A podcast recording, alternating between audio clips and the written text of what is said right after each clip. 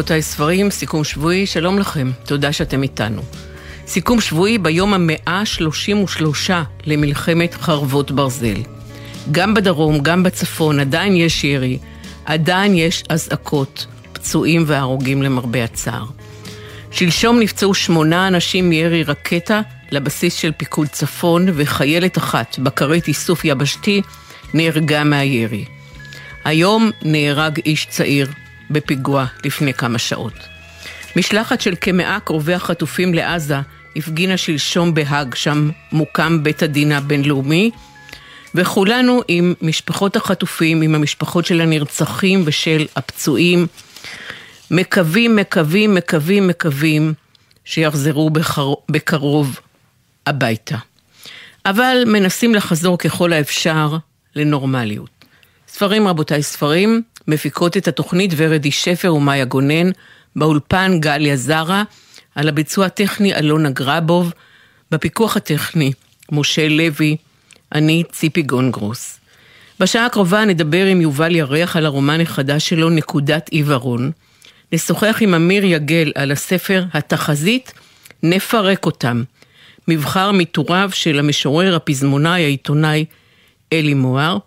ונפתח בשידור נוסף של ראיון עם צלם האוכל, צלם האוכל המשובח נלי שפר, שהלך השבוע לעולמו. הראיון התקיים כאן, שודר כאן בגלי צה"ל, בספרים רבותיי ספרים, לפני 25 שנה. הנה הראיון עם נלי שפר מלפני 25 שנה. מסעו של עדר בקר מטקסס למונטנה, עדר בקר שמובילים אותו שני קאובויים מזדקנים. יש חוואים נחושים והרפתקנים בספר הזה, זונות, אינדיאנים, פושעים כמובן, 900 עמוד שמופיעים בימים אלו תחת השם יונה בודדה. לארי מקמרטרי כתב, נורית לוינסון תרגמה. שלום לצלם נלי שפר. שלום, שלום. אתה נמנה עם הנודניקים האלה שכל הזמן חיכו ולחצו והשתדלו וניסו לפתות את ההוצאות להוציא את הספר בעברית? אני משער שאני נמנה מאותם uh, חבורה סודית של אנשים שעברו את הספר הזה כבר כמה שנים והעבירו את זה אחד לשני.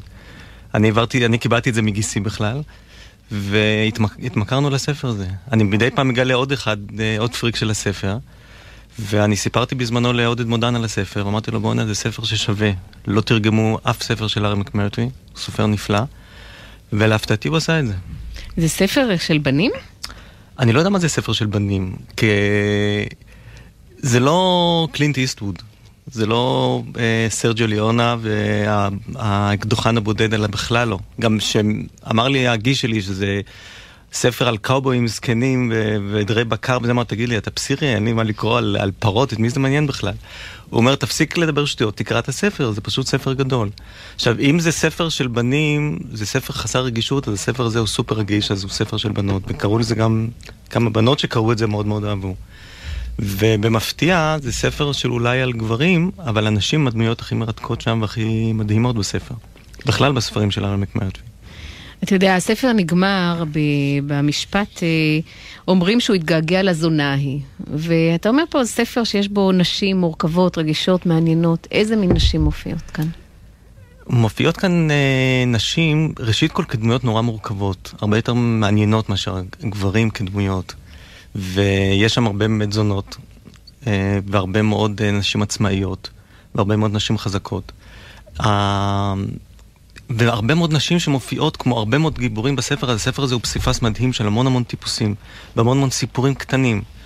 כדוגמה, יש שם סיפור של זונה אחת שהייתה כל כך עסוקה, שהייתה מסדרת שעון מעורר מחוץ לחדר, שכל 20 דקות היה מצלצל והייתה מעיפה את הגברים שם. היא אמרה, גבר שלא מסוגל תוך 20 דקות, אז הוא לא צריך, הוא צריך רופא. זה דמות קטנה שמופיעה לשלושה עמודים בספר, והיא דמות מדהימה. או דמות של אישה שגרה לבד אחרי שקברה את שני הבעלים שלה, ונקלע לשם אחד מהגיבורים של הספר, והיא בודקת אותו אם יש לו פוטנציאל להיות לה לבעל או להחזיק אותו. איך היא בודקת אותו? בודקת אותו אם הוא יודע להרים דברים, אם הוא מספיק חזק, אם למשל אם הוא ימות, אם הוא לא מספיק אה, שמן, שהיא תוכל לקבור אותו בקלות, שלא יהיה כמו הבעל הקודם, היה לה נראה סיפור נורא מסובך, הוא היה שמן. אם הוא אוכל בסדר, וכמובן אם הוא יודע לדפוק כמו שצריך, שזה גם היא בדקה את העניין הזה. בלי שעון מעורר. בלי שעון מעורר הפעם בעניין הזה, וזה היה בצורה מאוד עניינית, וכמו שכל הספר הוא, יש בו איזשהו גוון גם קצת מיתי וגם מאוד ענייני בתיאור שלו. בעצם עדר הבקר הזה הוא רק תירוץ. דרכו יש הרבה מאוד סיפורים קטנים שנהרגים כאן אחד בשני. הסיפור באמת להגיד שזה סיפור על עדר בקר זה דבר הכי פשטני, כי באמת יש כאן מצד אחד מצגה מדהימה של מסע ענקי שחוצה את ארצות הברית מדרום עד לצפון, כמה אלפי, איזה חמשת אלפים קילומטר, של מסע, של מה שאנחנו אומרים קאבויים שנוסעים עם, אה, שמביאים פרות, אבל סביב כל הסיפור הזה זה א', הסיבה למסע, שני אותם, שני, שני הגברים האלה, שני האנשים שמניעים את העלילה. הם אנשים מקסימים בדרכם שלהם, אחד פטפטן חסר תקנה וטיפוס מעניין, והשני הוא טיפוס קשוח, עצור, חסר מודעות רגשית לחלוטין גם לעובדה שהוא אוהב. זאת אומרת, אותו סיפור, ההגדרה של הסיום, הגעגועים לזונה, שהוא התגעגע לזונה היא, בעצם מבטא את כל הדמות של וודו קול, שהוא לא היה מודע לעובדה שהוא הרגיש משהו, שהוא אי פעם אהב, הוא לא היה מוכן להודות בזה. מה שנשים כן מוכנות להודות, או כן מוכנות להתייחס בספר הזה. אתה יודע, נלי, סיפרו לי, אני לא יודעת, סיפרו לי שמערבונים הוא בעיקר ז'אנר של קולנוע. אני לא רואה אותו גם בקולנוע, אבל נניח שיש הרבה סוסים דוהרים וקולות של דריכת נשק ולחיצה על ההדק ואיש נופל וענן חול מתרומם, ולכל היותר יש ביל קרטר בחוברת בכריכה רכה. הספר הזה גם מבחינת ההיקף שלו וגם מבחינת האיכויות שמייחסים לו, משווים אותו לא פחות ולא יותר למלחמה ושלום, החטא ועונשו, חלף עם הרוח. אה, יש משהו נכון במה שאת אומרת, אבל אחד הדברים שמאפיינים את הכתיבה של ארי מקמרטווי זה שהוא סופר מאוד ויזואלי. התיאורים שלו הם מאוד uh, חיים, מאוד פלסטיים ותלת-ממדיים. שהוא מתאר בן אדם עולה על סוס, אתה רואה את התמונה מול העיניים שלך. שהוא מתאר סצנה של קרב בין אנשים, הסצנה היא מאוד מוחשית, והיא מאוד uh, חיה מול העיניים, ואני חושב שזה אחד הדברים המקסימים בספר. זאת אומרת, זה ספר שהוא ראשית כל סיפור מקסים. הוא פשוט סיפור נורא מרתק ויפה, אבל כל התמונות שמרכיבות אותו הן כל כך, הייתי אומר, מדויקות ומוחשיות, שזה הופך את זה לכל כך אה, דבר מרגש. עכשיו, זה שמערבון הוא ש, של בנים, אני לא יודע איך להסביר את זה. של להיות. קולנוע, של קולנוע. ש, אבל... יש בו משהו קולנועי, אבל אני לא חושב ש, שזה לא, זה לא, זה לא מערבון מבחינה הזאת. זאת אומרת, אין כאן את הדמות הבודדת שנעמדת באמצע העיירה ומחכה שמישהו ישלוף. זה לא קיים. אם יש מישהו בודד באמצע העיירה, הוא בדרך כלל שיכור שנופל שם ל... לחול או משהו כזה. למעשה מקמרטרי כתב את הספר הזה בעקבות תסריט, לא כפי שקורה הרבה פעמים הפוך. קודם הספר ואחר כך עושים ממנו סרט. התחלה של הסיפור הייתה מבוססת על איזשהו תסריט שנכתב, אבל הוא פיתח את זה והוא יצא מזה. זאת אומרת, הוא רצה בזמנו, כשהוא התראיין על זה, הוא אמר שהוא רצה לכתוב את האנטי מערבון. כאילו לפרק את המיתוס של המערב הפרוע, אבל בעצם, תוך כדי הפירוק, מה שקרה, הוא יצר מיתוס חדש. קראת בעצם קודם כל את המקור. את המקור האנגלי, כן. מה אתה אומר על התרגום? אני, כשקראתי את, את המקור באנגלית, אני מאוד תהיתי איך אפשר לתרגם ספר כזה, כי יש המון עיגה, המון סלנג אה, אנגלי. יש שם המון ביטויים, למשל, שאני לא יודע מה התרגום שלהם, של סוסים. אה, יש שם המון התייחסות לסוסים. המון המון סוגים של סוסים, שאף פעם לא שמעתי דברים כאלה. זאת אומרת, יש סוסה צירה וסוסה אה, מבוגרת, ושיח וסייחה, וסוס שמיועד למרוצים, וסוס שמיועד להליכה, וסוס שהוא מסע. המון שמות. אני חושב שנורית לוינסון מתרגמת בסך הכל עשה עבודה מאוד טובה, כי הקריאה עכשיו בעברית היא מאוד שוטפת לי. זאת אומרת, לגביי זה, אני לא, לא הולך לשפוט את התרגום על, על מילים, אבל התחושה של הקריאה היא מאוד אה, זורמת, מאוד קולחת ומאוד שוטפת. יש גם החלטה מאוד עקרונית שהשמות נשארו שמות המקוריים למעשה בהגיה האנגלית שלהם. כן, כל שם יש לו תרגום. לונסום דוב ויונה בודדה נשאר כשם הספר, אבל העיירה היא קוראת לונסום דוב, משאירה את זה ככה. הסלון בעיירה, דרי בין, שזה אפון יבש או שעועית יבשה, נשאר כדרי בין, או שם של אינדיאני בלו דאק, הברווז כחול נשאר כבלו דאק. ואני חושב שזו החלטה נבונה. בחלק מהמקרים אפילו ראיתי שמציינים את התרגום, שמשמעות של השם, כאשר יש לשם משמעות יותר מאשר הרגיל. וזה סוג של החלטה החלטה בסיסית שאני חושב שהיא נכונה. נלי שפר על יונה בודדה, אפוס ענק שהופיע בהוצאת מודן. תודה נלי. ספרים רבותיי ספרים, שמענו עכשיו את הריאיון שערכתי עם נלי שפר לפני 25 שנה. נלי שפר שהלך השבוע לעולמו. הנה כמה פרטים עליו. נלי היה הצלם בה"א הידיעה של ספרי הבישול בישראל. הצילומים שלו הופיעו ב-70 ספרים, הוא גם צילם למדור האוכל של העיתון ידיעות אחרונות במשך 24 שנה. נילי היה אחיינו של הסופר ישראל וייסלר, פוצ'ו, ואפשר למצוא אותו בין דפי איה הג'ינג'ית של פוצ'ו. דוקטור משה גלעד כתב עליו בעיתון הארץ, הצלם שהתחשק לאכול את התמונות שלו. נלי שפר, יהי זכרו ברוך. גלי צה"ל, ספרים רבותיי ספרים, תוצרת הארץ. נתן אלתרמן כתב את המילים, שם טוב לוי הלחין, אריק איינשטיין שר. נו באמת, שם טוב, אני ביקשתי סול מז'ור ואתה נותן לי פה מז'ור, מה זה? אם כבד לבבכם כעופרת, אם עוולה בגופכם הנשמה, האזינו לשיר התוצרת, שאבו מתוכו נחמה. זה הדור, דור ימות המשיח, מנמנם ולקום מאחר. הוא זקוק לנביא. ומוכיח, ולפחות לשעון מעורר.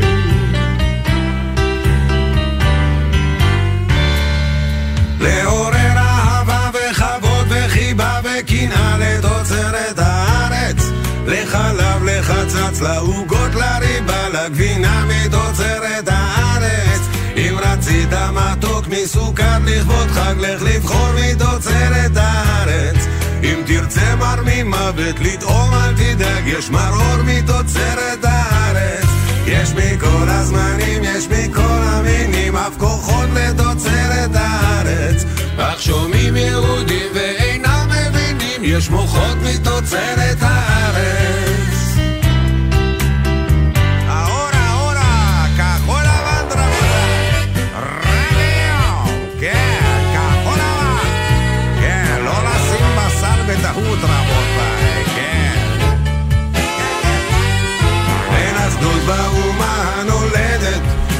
שרשרת ידיים אחת, אין כתף, אין חזית מאוחדת. אבל יש, אבל יש לא מעט, אבל יש תפיות, חזיות, ידיות, מפליאות מתוצרת הארץ. וישנו גן חיות ובגן החיות, אריות מתוצרת הארץ. מסדרים ונימוס, אל תשאל לפטנט, זה תמיד מתוצרת הארץ. ובתולות בציון מדברות באקצנט גרמנית מתוצרת הארץ. ושנתיים וחצי אוכלת האש בשדות מתוצרת הארץ. ואנגלי השלטון, אך גם הוא משתמש בשיטות מתוצרת הארץ.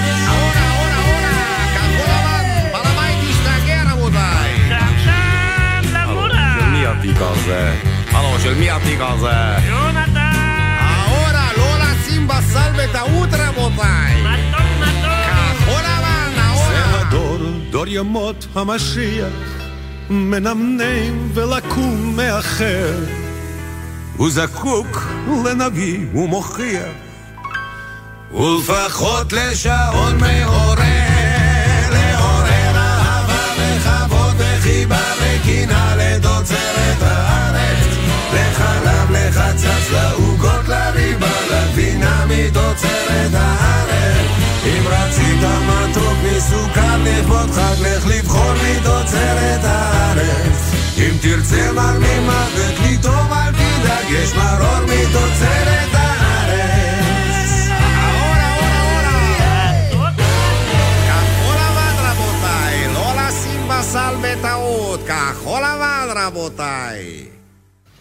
אריק איינשטיין עם השיר שכתב נתן אלתרמן והלחין שם טוב לוי, תוצרת הארץ.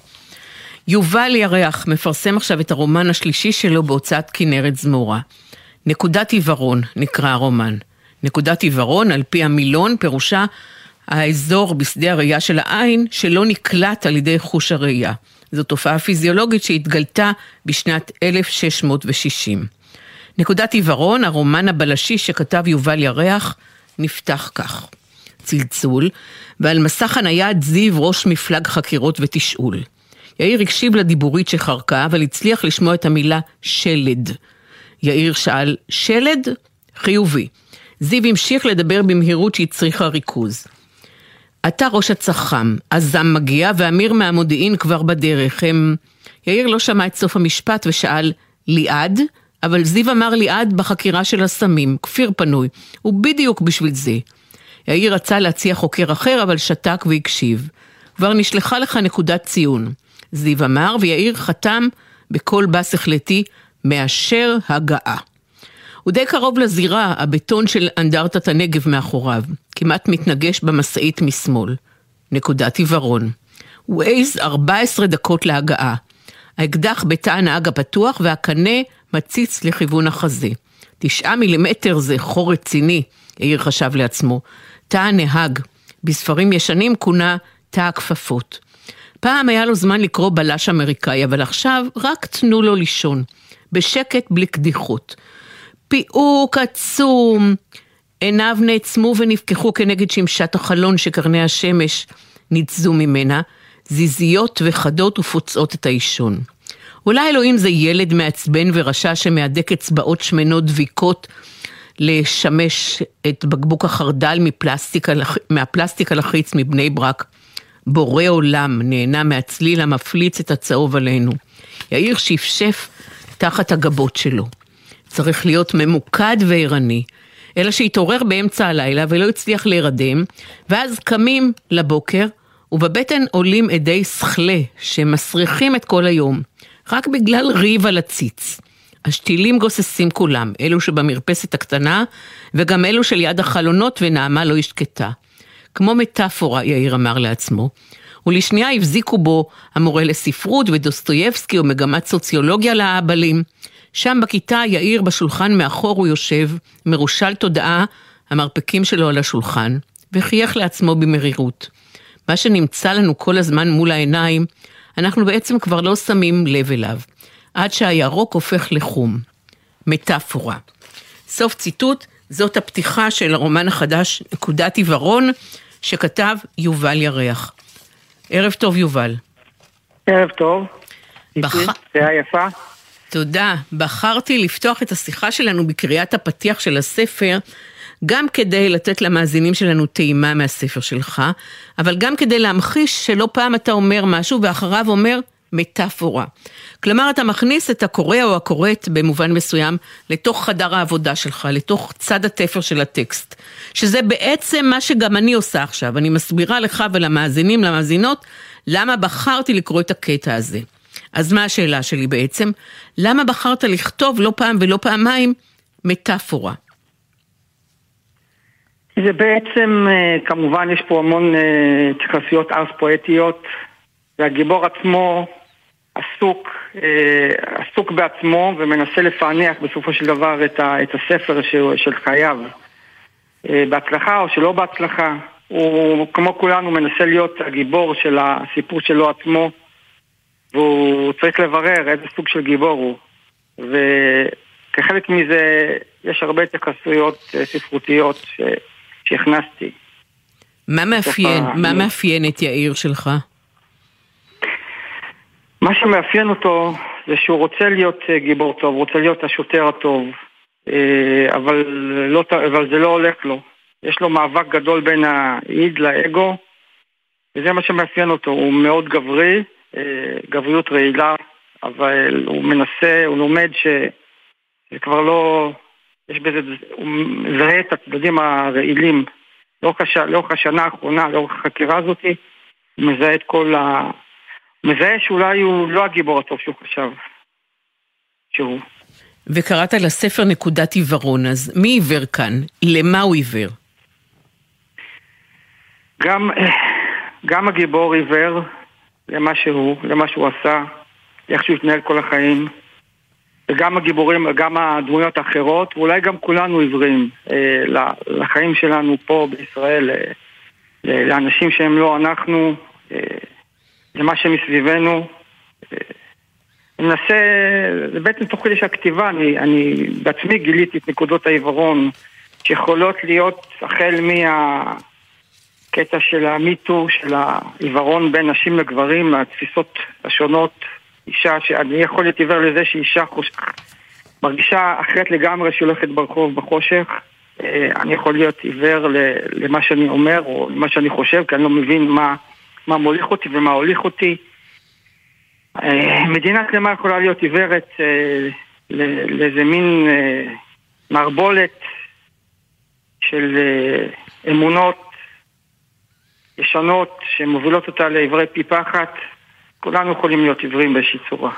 ואתה מוכן לשתף אותנו בתהליך הכתיבה של הספר הזה? מתי התחלת לכתוב אותו? במשך כמה זמן כתבת אותו? כן, אה, הרעיון לכתיבה עלה לי בזמן הקורונה, שהייתי בנסיעה לים המלח, וככה אני רואה לצד הכביש את הכפרים הלא מוכרים, את החושות של הבדואים. ואיכשהו פתאום זה, זה הפציע לי, הפציע בי הקטע הזה של... יש פה באמת כמה סוגים של, של מדינות, כמה סוגים של אוכלוסיות. זה הזכיר לי קצת את הודו שהייתי בה, את החושות, את ה shanty town. ואיכשהו מאז הספר ככה קיבל קצת יותר נופח, נופח ועלילה ובהתחלה באמת התעסקתי בעיקר בקטע המשטרתי, הבלשי, שרצה לי חלום אה, לכתוב משהו כזה, אני לא יודעת אם אני מסוגל. אני מאוד מאוד אוהב את ריימונד צ'נדלר, אגתה קריסטי אה, וכהנה וכהנה. אה, וזה היה בכיוון הזה, אז עשיתי המון באמת חקירות שקשורות לצד הטכני. אה, ודווקא בשנה האחרונה זה הלכתי יותר לכיוון הפסיכולוגי, הפסיכולוגיסטי, הניסיון לאפיין את הדמות, כי זה תפס אותי יותר, שבעצם באמת הקטע ש...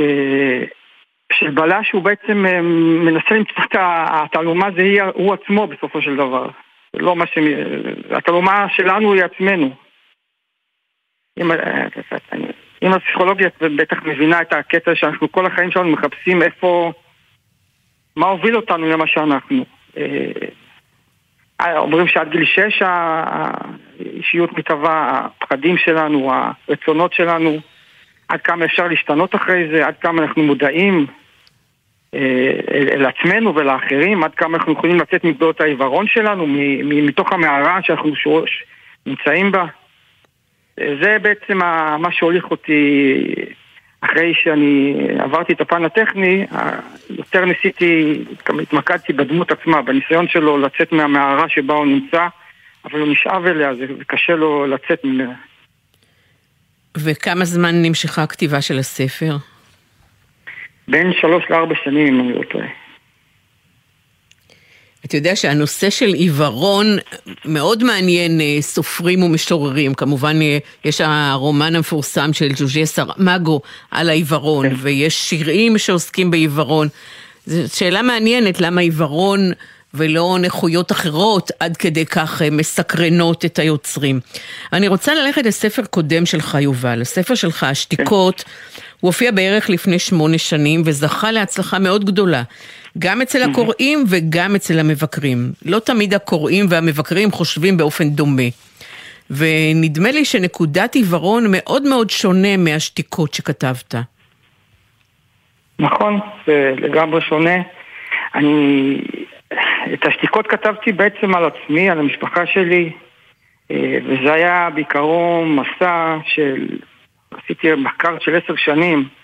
ניסיתי באמת מה שהנחה אותי היה בעצם מחקר היסטורי, אפילו לא ספרותי, אלא לנסות להבין באמת מה שקרה שם אה, מבחינות, כל הבחינות שרק אפשר. פה אני בעצם אה, ניסיתי, כמו שאמרתי, לעשות איזה משהו בלשי, איזה משחק, זה, זה אפילו התחיל כמו מין משחק כזה, הספר הזה, מין איזה משהו שאמרתי, אני בכלל מסוגל לעשות דבר כזה, זה... וזה מאוד מעניין אותי, הקטע, של ה... אני רואה דרמות משטרתיות ובלשים וזה... תמיד יש את ה... ב... הרי הבלש המודרני אה, עוסק בקטע שהוא בא ויש לנו כאוס, והוא בסופו של דבר אה, מסדר את הכאוס. זה, זה התמה המרכזית, ש, שיש איזה, באמצעות הלוגיקה, באמצעות המחשבה, באמצעות הנפש, באמצעות השכל האנושי, אנחנו יכולים למצוא את האור. אבל פה בעצם, אה, אולי אפילו זה קצת הפוך, הוא, הוא באמצעות, הוא מגלה דברים אפלים בחקירה שלו, והוא לא, טוב, אני לא אגלה את העלילה, אבל אה, פה הוא, אה, זה מוביל אותו לדברים לא טובים, החקירה. החקירה היא בעצם לא, לא, לא מביאה לנקודת אור, היא... ואני אני אסי... סליחה, מה היה המשפט האחרון שאמרת? היא לא מביאה לנקודת אור, ומה אמרת? כן, כן. אה, הנקודת עיוורון אה, איכשהו היא מתגלה ולא מתגלה והאפלה הזאת היא בעצם, אפשר לראות שהוא רואה את החושך כאילו החושך מתגלה, האור מתגלה כחושך ואני רוצה לסיום, יובל ירח, לשאול אותך שאלה שלקוחה דווקא מהעמוד הראשון של הספר. בעמוד הראשון של הספר אתה מצטט את השיר הכל כך מוכר, כולם הלכו לג'מבו, ג'מבו, ג'מבו, ורק אותי השאירו בחושך השחור, כולם הלכו לג'מבו, ג'מבו, ג'מבו, אמרו לי לילה טוב, וכיבו לי את האור. יורם תיארלב אחראי על הנוסח העברי של השיר הזה. אבל למה החלטת לפתוח בו את הרומן הבלשי שלך? כי אה, אני, אני כמו הגיבור, גם חיינו באותו, באותה ספירה תרבותית, באותו, פחות או יותר באותו שנתון. אה, אני ניסיתי גם, א', זה מאוד מאוד קשור, השיר הזה, למה שעובר הגיבור, הוא נשאר לבד, אה, אבל גם אני מאוד מאוד, תוך כדי המחקר, תוך כדי הכתיבה, הבאתי את. השירים, את הזמנים שהיו של, של אה, אמצע שנות ה-70, סוף שנות ה-70, שהם uh, מהווים את ה... חלק מהבחינה של הגיבור את עצמו. Uh, כל הסדרות שראינו, קשקשת, מי, ש... מי שהייתי באותו דור הוא יודע, מי שנולד ב... ככה בשנות ה-70. Uh, אני תוהה עד כמה באמת uh, הטלוויזיה שאנחנו ראינו, הספרים שקראנו, החוברות, פצדעוני, השירים ששמענו ברדיו, עד כמה הם, הם מהווים את, ה, את התודעה שלנו. ועד כמה נניח היום התודעה מוצבת על ידי חומרים אחרים שהם uh, כמה שניות של אינסטגרם, מה זה יקרה, מה, איך הדור, איך הדור ש, שנולד עכשיו, שגדל עכשיו, איך הוא, איך הוא יראה את המציאות, איך הוא יחווה אותה, לאור כל מה שהוא צורך. כן, תודה רבה לך, יובל ירח. הרומן תודה. נקרא נקודת עיוורון והופיע בהוצאת כנרת זמורה. והוא מעניין, הוא מעניין, הוא אחר מאוד מהספרים הקודמים שלך והוא מאוד מעניין. תודה רבה, יובל. תודה, תודה טיפ. שבת שלום, מה יותר מתבקש מאשר להשמיע את אושיק לוי למילים של אהוד מנור וללחן של נורית הירש, בלד על השוטר.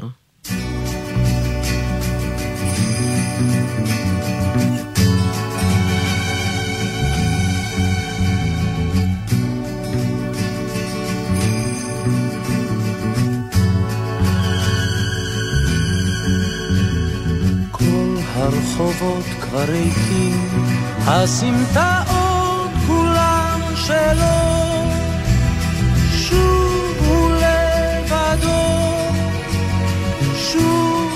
עם צילו. כל הרחובות כבר ריקים, הסמטאות כולן שלו.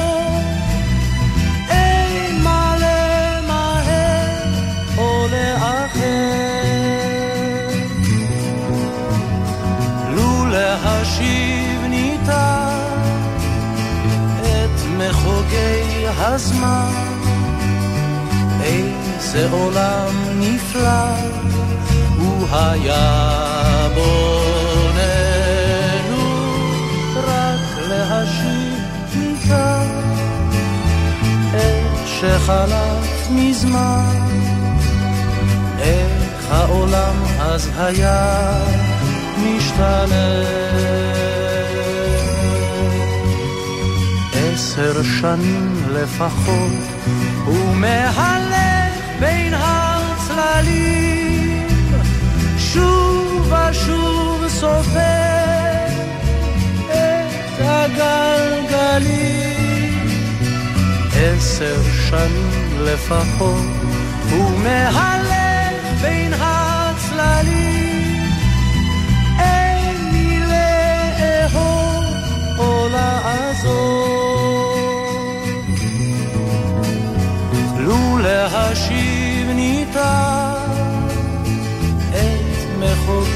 מחוגי הזמן, איזה עולם נפלא הוא היה בוננו,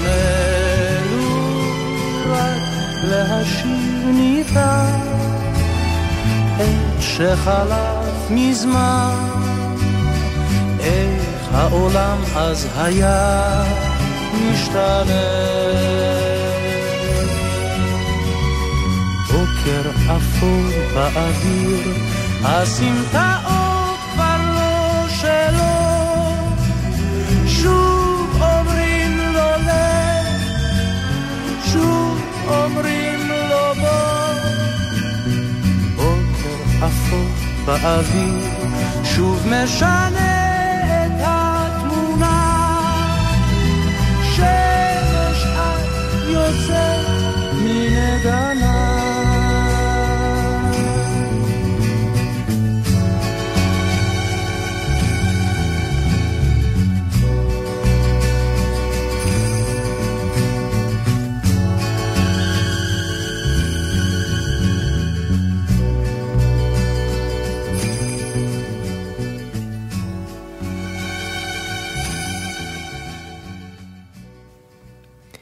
בלד על השוטר, אושיק לוי שר.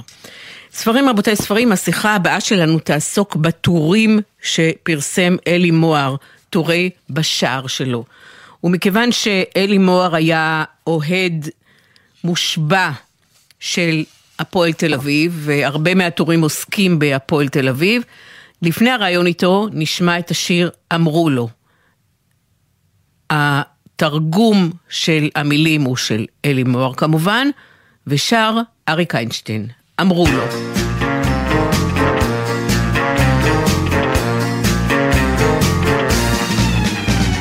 זהו סיפור עצוב על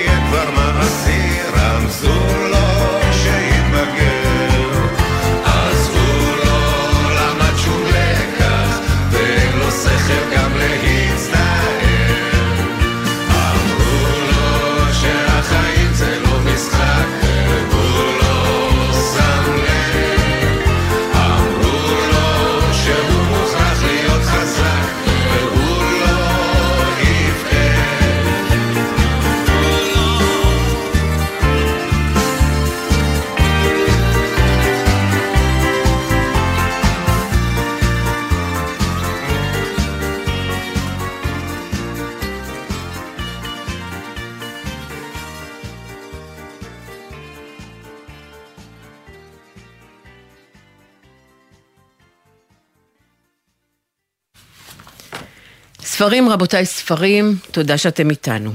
אלי מוהר, שנפטר ב-30 בנובמבר שנת 2006, היה איש מוכשר ביותר. הוא היה משורר, עיתונאי, פזמונאי ואוהד מושבע של הפועל תל אביב. הוא היה בנו של המשורר יחיאל מוהר, בין הפזמונים היותר ידועים שכתב אלי מוהר, העיקר זה הרומנטיקה, נגיעה אחת רכה, כל עוד, שיר נבואי קוסמי עליז ותן לי יד. רשימה חלקית מאוד. אה, עליי, אגב, אהוב במיוחד השיר תן לי יד, בביצוע המשותף של אלי מוהר וביתו שרון. בין הטורים הכי חשובים ומשמעותיים שאלי מוהר חתום עליהם, כאמור טורים שהתפרסמו כמעט עד יום מותו, טור שאלי מוהר כתב עבור העיתון דבר, ולאחר מכן עבר עם הטור הזה למקומון התל אביב יאיר. היו הרבה טורים מעניינים ומרתקים. היה לו לאלי מוהר חוש הומור מיוחד ומעולה, וכמה מהביטויים שהשתמש בהם בטורים שלו נכנסו אל השפה. למשל, הטבלה אינה משקרת, וגם נפרק אותם. למה אני מספרת את כל הפרטים האלה על אלי מוהר? כי ממש ממש עכשיו הופיע ספר חדש, אב קרס, ששמו התחזית נפרק אותם. הספר מופיע לרגל שנת המאה להפועל תל אביב, והוא מכיל יותר מ-300 טורים שכתב אלי מוהר, מתוך כ-1,500 טורים שכתב במהלך השנים במדור שלו בשער. למשל, הוא כותב על מה עושה הקהל בשבת, אחי סדום היינו, נקרא טור אחר, דור דור וטיליו, עוד שבת של כדורגל, הדרבי הגדול, הנה הם באים ועוד. לצד הטורים של אלי מוהר יש בספר גם טורי אורח שכתבו למשל אביעד פאורילס, אייל מגד, אבי מלר, שלומית גיא, שי ניב, מולי שגב, דורון רוזנבלום. ערכו את הספר הזה אושריאל בן עמרם, אביעד צוק, עמית שכטר, אמיר דורון ואמיר יגל. התחזית נפרק אותם. שלום לאמיר יגל מעורכי הספר. שלום, שלום. מתי ואיפה, אמיר, התרחש לראשונה חיבור בינך לבין קבוצת הפועל תל אביב? טוב, אני חושב שהסיפור שלי לא שונה מרוב אוהדי הפועל תל אביב, זה בא מהבית. אפשר לומר שב-30-40 שנה האחרונות, ואולי תמיד, החולצה האדומה לא הייתה לגמרי מציאה, ככה שילדים שבוחרים לא מבית מה לאהוד, בדרך כלל זה לא הפועל, אז אצלי זה בא מהבית, אבל אה, אני מאוד מאוד שמח על זה. זה גם עובר לדור הבא, אני מבינה שגם בנך בן החמש אה, בעניין הזה. אה, לאט לאט, כן, כן, אני לצערו מכניס אותו לעניינים. למה לצערו? זה לא קל להיות אוהד הפועל, תאמיני לי. הוא יצטרך ללמוד סבלנות ולהכיל גם קשיים, אבל זה מלמד. אני, לשמחתי, הכרתי את אלי מוהר וזכיתי לעבוד איתו כמה שנים לפני מותו. היו בו קסם מיוחד וחוש הומור עדין, כישרון גדול. אתה, אמיר יגל, אתה הכרת אותו? ברמה האישית אני לא הכרתי אותו, אבל הוא היה גיבור נעוריי, אפשר לומר. זאת אומרת, אני, אני גדלתי כשאני מסתכל על אלי כמו מה שהייתי רוצה להיות אה, כשאני אהיה גדול, מין... אה, דמות נורא רצינית, אבל נורא לא רצינית, נורא תרבותית, אבל נורא יומיומית, משהו באמת, אני חושב שהוא הטמיע את זה בהרבה מאוד אוהדי הפועל, את, ה, את האישיות הזאת, ש, שהרבה ממנה, אני מקווה, שאהבתי ממנו.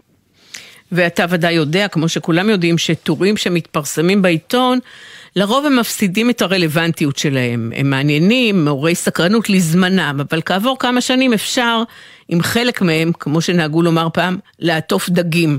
למרות שכבר לא עוטפים דגים בעיתון, אבל זה הביטוי שהשתרש. זה מביא אותי לשאלה, אמיר, על פי מה החלטתם אילו טורים להכניס לספר ועל אילו טורים לוותר? אני חושב שאת מאוד מאוד צודקת. כשאנחנו התיישבנו כצוות אורחים לחשוב מה נכנס בתוך כזה מפעל של, אה, של תיעוד, זה מאוד מאוד לא קל. א', לנו כאנשים שגדלו עם אלי מוהר או לצד אלי מוהר, יש הרבה הרבה מעורבות רגשית. אנחנו זוכרים הרבה מהטורים האלה, מי מאיתנו, אנחנו באים מכמה דורות, מי מאיתנו את הטורים של שנות ה-70 וה-80, מי מאיתנו את הטורים של שנות ה-90 וה-2000. גדלנו איתם, יש לנו אליהם איזושהי תחושה מאוד מאוד אישית. אבל ניסינו בתור אורחים לחשוב על בדיוק מה שאת אומרת. מהו על זמני? מה יוכל להישאר לדור הבא כשהם יקראו והם לא יצטרכו לחשוב מי זה האיש הזה ולמה אני קורא, אלא יש איזה שאר רוח בטור עצמו שהוא על זמני, שהוא נשאר, שהוא עדיין רלוונטי והוא תמיד יהיה רלוונטי, ואני חושב שאחד החוזקות של אלי ככותב, אולי כאדם, כיוצר, הוא העל זמניות הזאת. תחשבי עד כמה זה לא מובן מאליו לכתוב טור שבועי על ספורט שיישאר על זמני. והצלחנו להכניס מאות טורים שכאלה לתוך הספר, ואני חייב להודות שבדמע השארנו על רצפת העריכה לא מעט אחרים. ומה הטור שאתה הכי אוהב? אני חושבת שאולי כדאי שתקרא קטע ממנו. הטור של אלי מוהר שהכי מתחבר אליך. תראי, היו המון, אני חייב להודות שיש כמה שאני זוכר בתור אה, נער צעיר ולא אשכח. לדוגמה את נמכרנו, זה טור מאוד מאוד איקוני שלו, שבו הוא מתאר את המכירה של הפועל תל אביב מההסתדרות לגופים פרטיים, או את חשבנו, שבו הוא מדבר שכבר עברנו תקופות וחשבנו שנעבור עוד, וזה מדהים כמה זה קרוב להיום. אבל תרשי לי להקריא טור שחשבתי שיהיה מתאים לתוכנית כמו שאנחנו מדברים בה היום, מכיוון שאלי אה, מקדיש את הטור הזה לתוכניות ספרות ברדיו. אז אה, אם אפשר, אני אקרא כמה שורות מהטור. בבקשה, בבקשה. לפני שבועות מספר הייתי בעיתון, אף שמעתי ברדיו, תוכנית חדשה מוקדשת לספרות, כיוונים שמה, בעריכת פרופסור דן מירון ודוקטור מנחם פרי. תשודר בקרוב ברדיו. שמחתי, ואולם כאשר עמדתי לרשום לפני את מועד שידורה, הופתעתי. אף לא יכולתי שלא לגחך מעט. היום והשעה פיסרו על האזנת שיא, שעה יוקרתית ביותר, שבת, שלוש וחמישים אחר הצהריים. ואולם הרי זו השעה בה יושב הציבור במגרשים השונים, ומי שהחליט להישאר בביתו. אה, מכוון כידוע אל רשת ב', אל עמי פזטל, המביא בזמן זה ממש את הדקות האחרונות של משחקי הליגה המרתקים. מדוע? שאלתי את נפשי. מדוע הם נוהגים בשלומיאליות שכזו, וכי ספורט וספרות עומדים בסתירה? הכי אין בקרב חובבי הכדורגל מיודעי שוחרי ספרות רבים ונאמנים? צר היה לי על כיוונים, שכבר מראשית דרכה נדחקה לאופסייד שאין ממנו מוצא. אך מה יכולתי לעשות? ויתרתי עליה בהנחה, ועם בוא השבת שמתי פעמיי למגרש. תודה רבה לך, אמיר יגל. ספר, למרות שאני לא מבינה שום דבר בספורט, וכל המשפחה שלי הם אוהדי מכבי, בכל זאת הטורים של אלי מוהר מרתקים. ערכו את הספר הזה אושריאל בן עמירם, אביעד צוק, עמית שכטר, אמיר דורון, ואתה, אמיר יגל. ונאמר עוד שהפרויקט הזה הוא יוזמה של ויקי פויל, האנציקלופדיה המקוונת של הפועל תל אביב. תודה רבה לך, אמיר, שבת שלום. תודה לך, שבת שלום, להתראות. אור ההיאחזות. יחיאל מוהר, אביו של אלי מוהר, כתב את המילים, דובי זלצר הלחין, ולהקת כוורת שרה, הור ההיאחזות.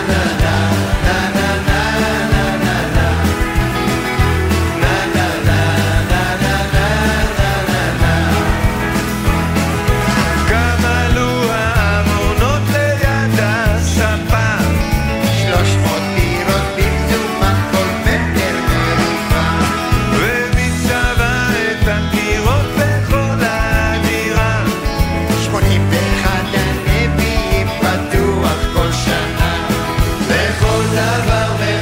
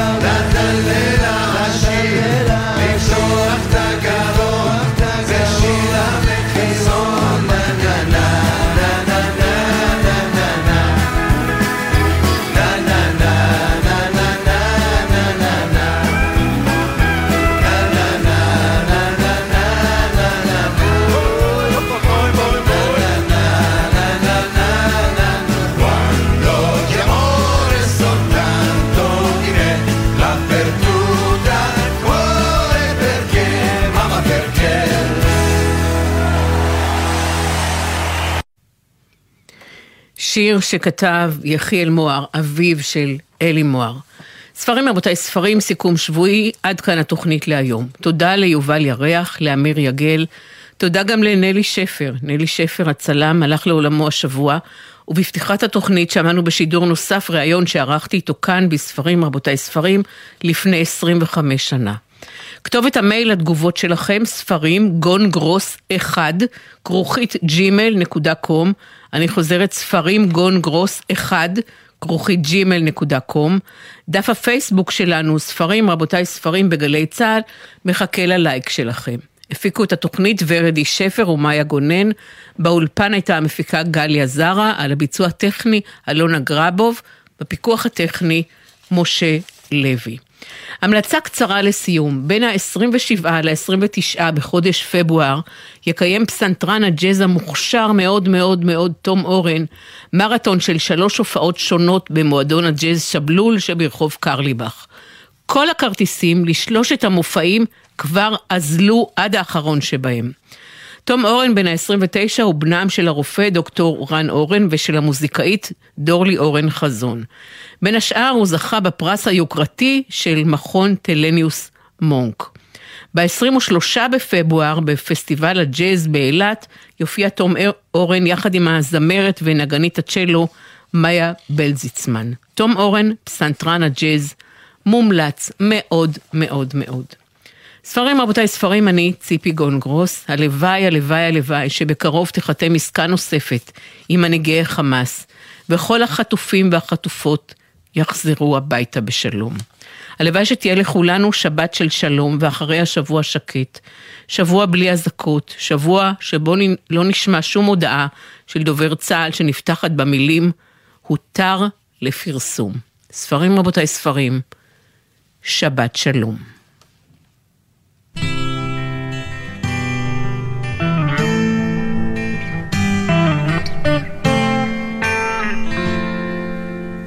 במכונית הישנה לתוך הלילה הרטוב. הגשם שוב נהיה כבד ולא רואים ממטר. סע לאט. צבי אומר שגשמים כאלה מזיקים לחקלאות.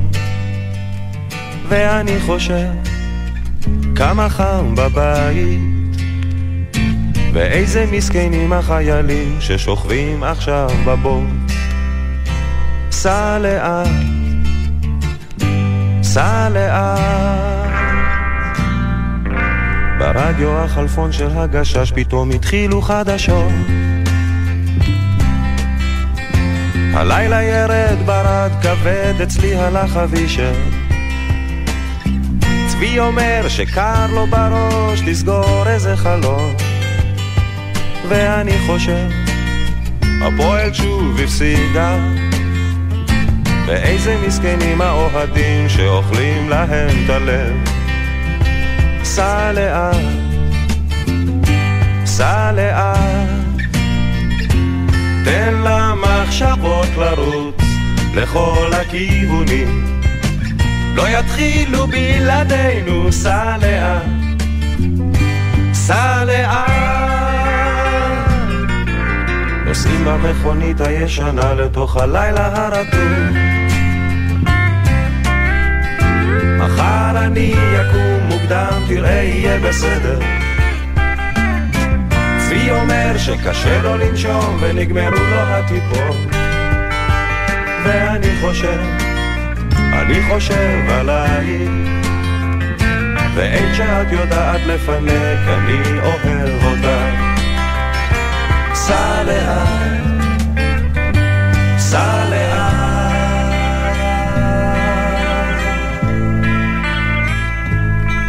אתה זוכר שנסענו לאילת, ירדנו אל המים, כולם היו בראש אחד. ביטלס בקולות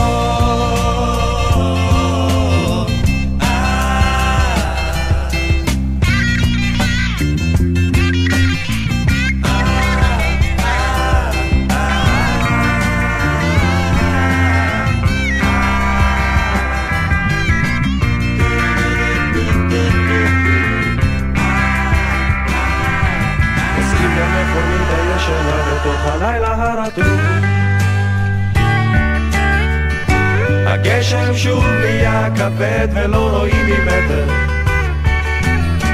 צבי אומר שגילו כוכב שיש עליו חיים.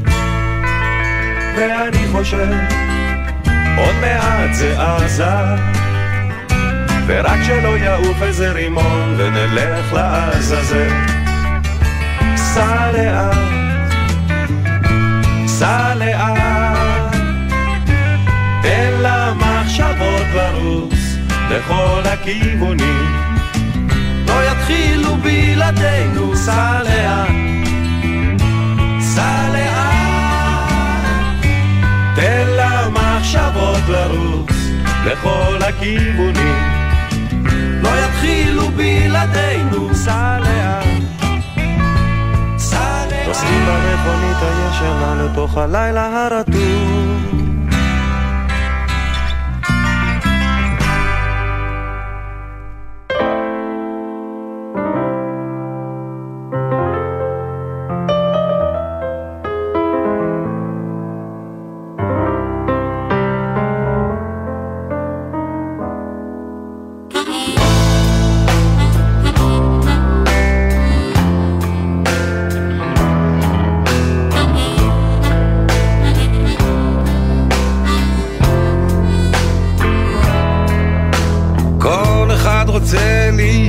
זמר, להיות זמר, להיות זמר. אם לא זמר אז שחקן, אם לא שחקן אז ליצן, אם לא ליצן אז מבקר. כל אחד רוצה להיות כוכב, להיות כוכב, להיות כוכב. אם לא כוכב אז בדרן, אם לא בדרן... אתם מאזינים לגלי צה"ל. שישי בערב, נרות השבת כבר דולקים, מפה לבנה פרוסה על השולחן, הסעודה מוכנה, אבל מאות כיסאות ברחבי הארץ נשארים רכים עד לשובם של החטופים הביתה. גלי צה"ל מקדישה שעה בכל ליל שבת לסיפורים האישיים של החטופים, השירים שהם אוהבים וההקלטות בקולם, כאילו היו פה איתנו. אני מדמיינת אותו מדמיין מלא שהוא מנגן בגיטרה, עוצם את העיניים, מבחינתו הוא יושב עם המגבר והגיטרה, עושה מה שבא לו. התשמע קולי, הערב בשבע, גלי צה"ל. כשאחד היוצרים המוערוכים, אך המופנמים ביותר, מסכים לצלול אל סודות יצירתו. זה הזמן לפוד כספי. אחת, שתיים, שלוש, ארבע.